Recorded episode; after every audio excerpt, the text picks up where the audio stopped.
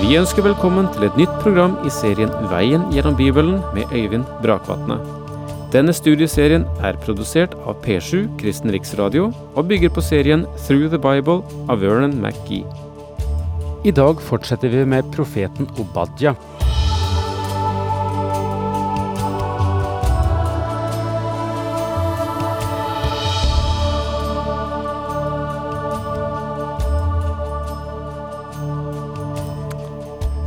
En bok med 21 vers.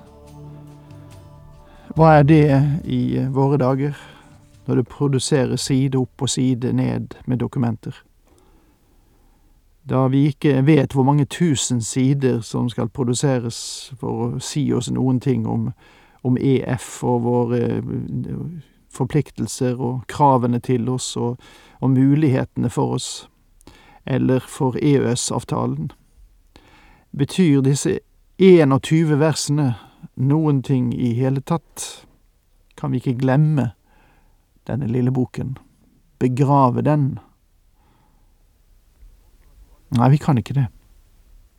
Og jeg håper at du allerede har skjønt at denne, dette synet, eller disse syner, som Obadja hadde om Edom, har også noe å si oss.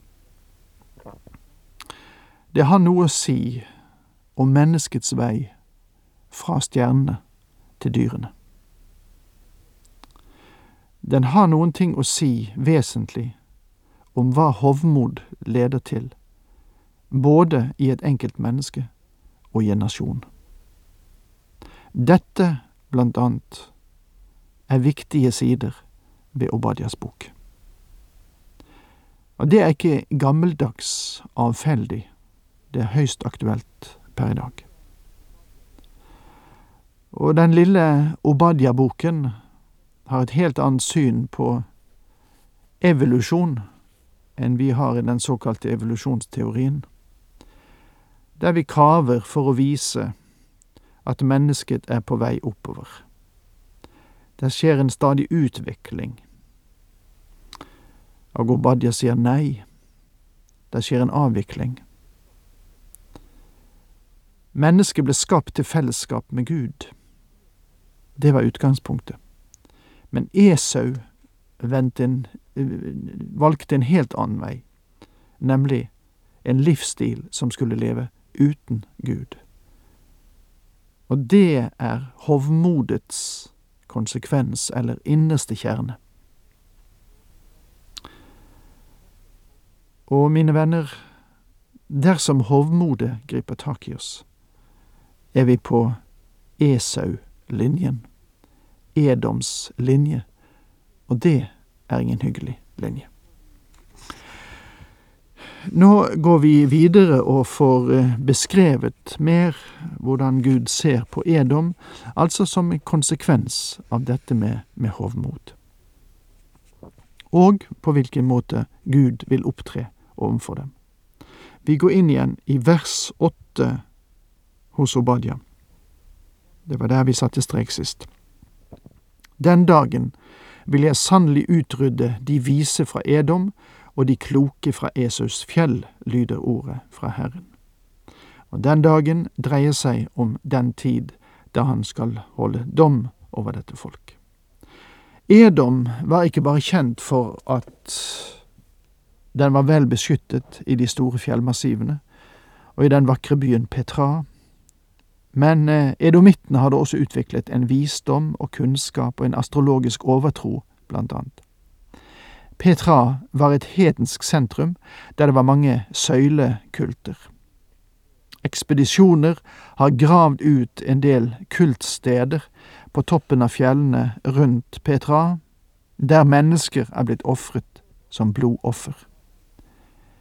Edom var også kjent for sin visdom.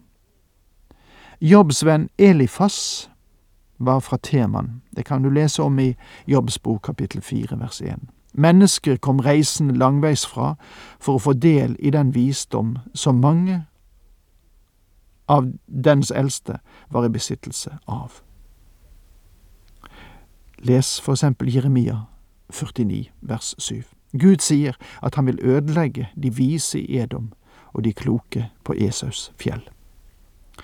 Dine krigere, Teman, skal lammes av redsel, hver eneste mann skal bli drept og ryddes bort fra Esaus fjell.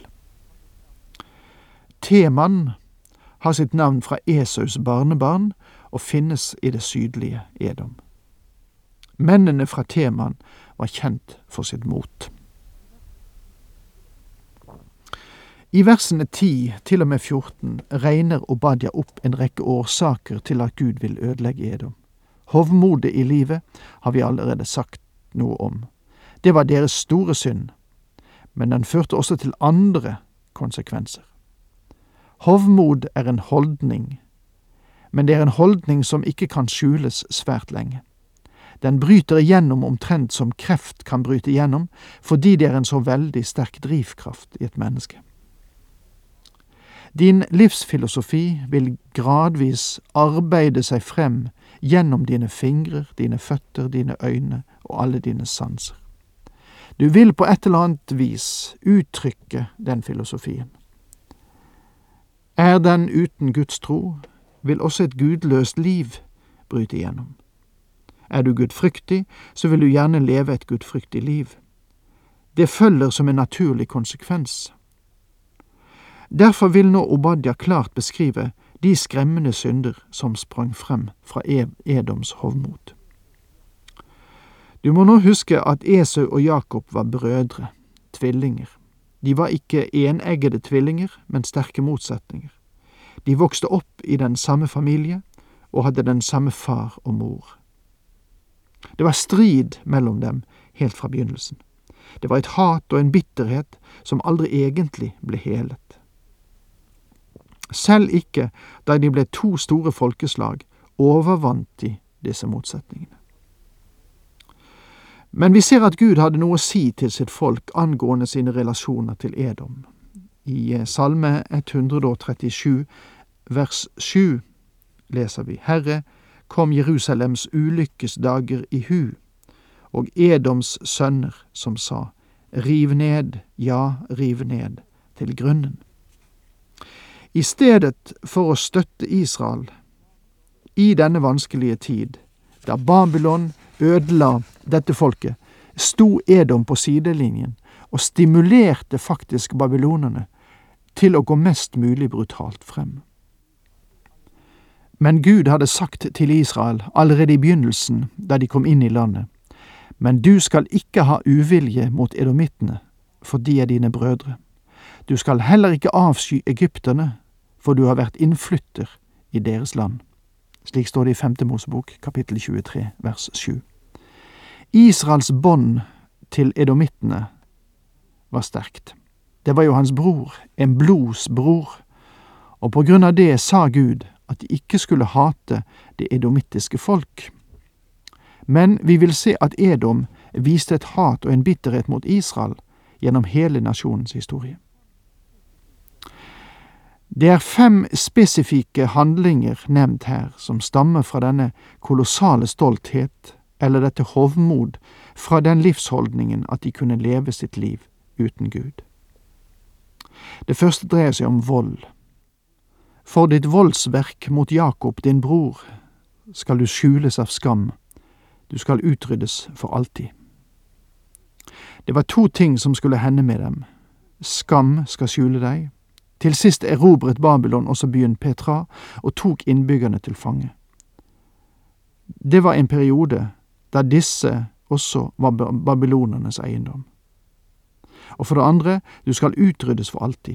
Edom som nasjon skulle utryddes helt. Interessant at vi i våre dager hører en hel del om Israel, men ingenting nevnes om Edom.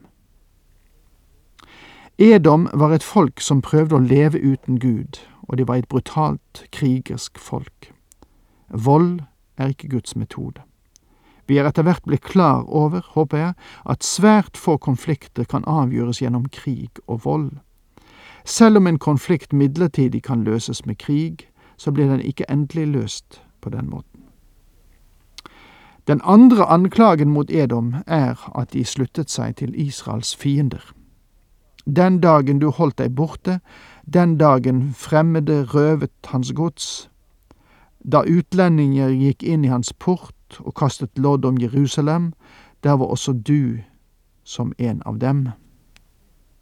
I stedet for å forsone seg med Israel og komme dem til hjelp, dette folk som de var nær slekt til, så sluttet de seg til den motsatte siden og var en del av den brutale fiendeflokken som invaderte landet.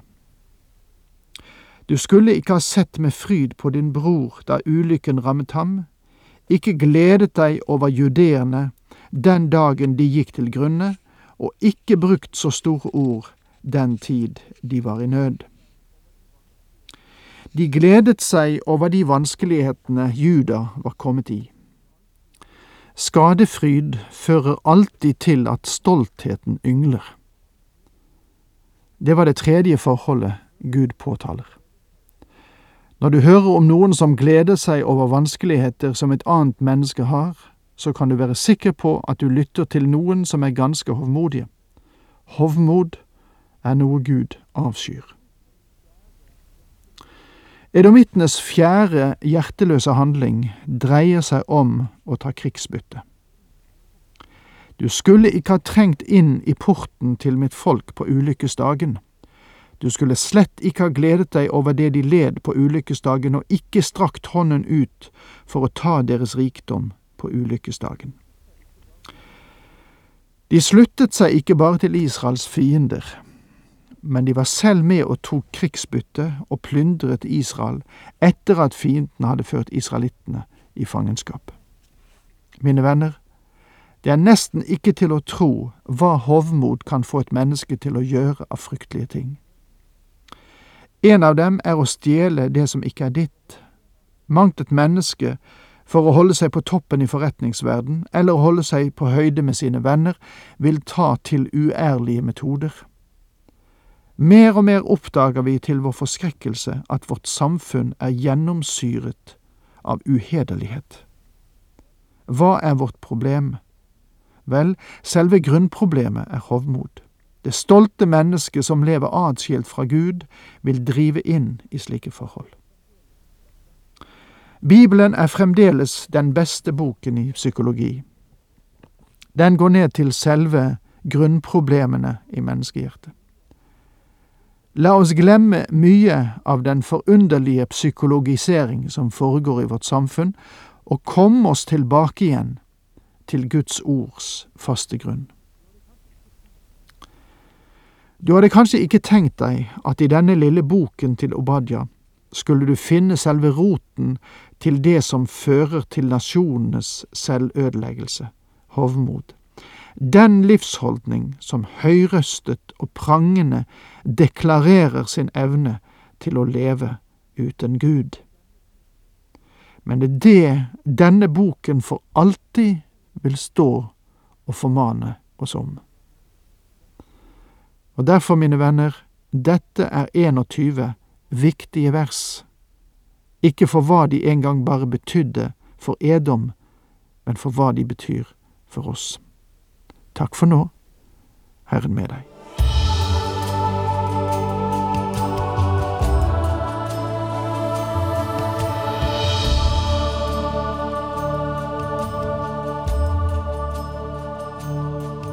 Du hørte Øyvind Brakvatne i studieserien Veien gjennom Bibelen. Serien bygger på et manus av Vern McGee. Har du spørsmål eller kommentarer til programmet, kan du sende en e-post til vgb krøllalfa p7.no. Takk for i dag, og på gjenhør.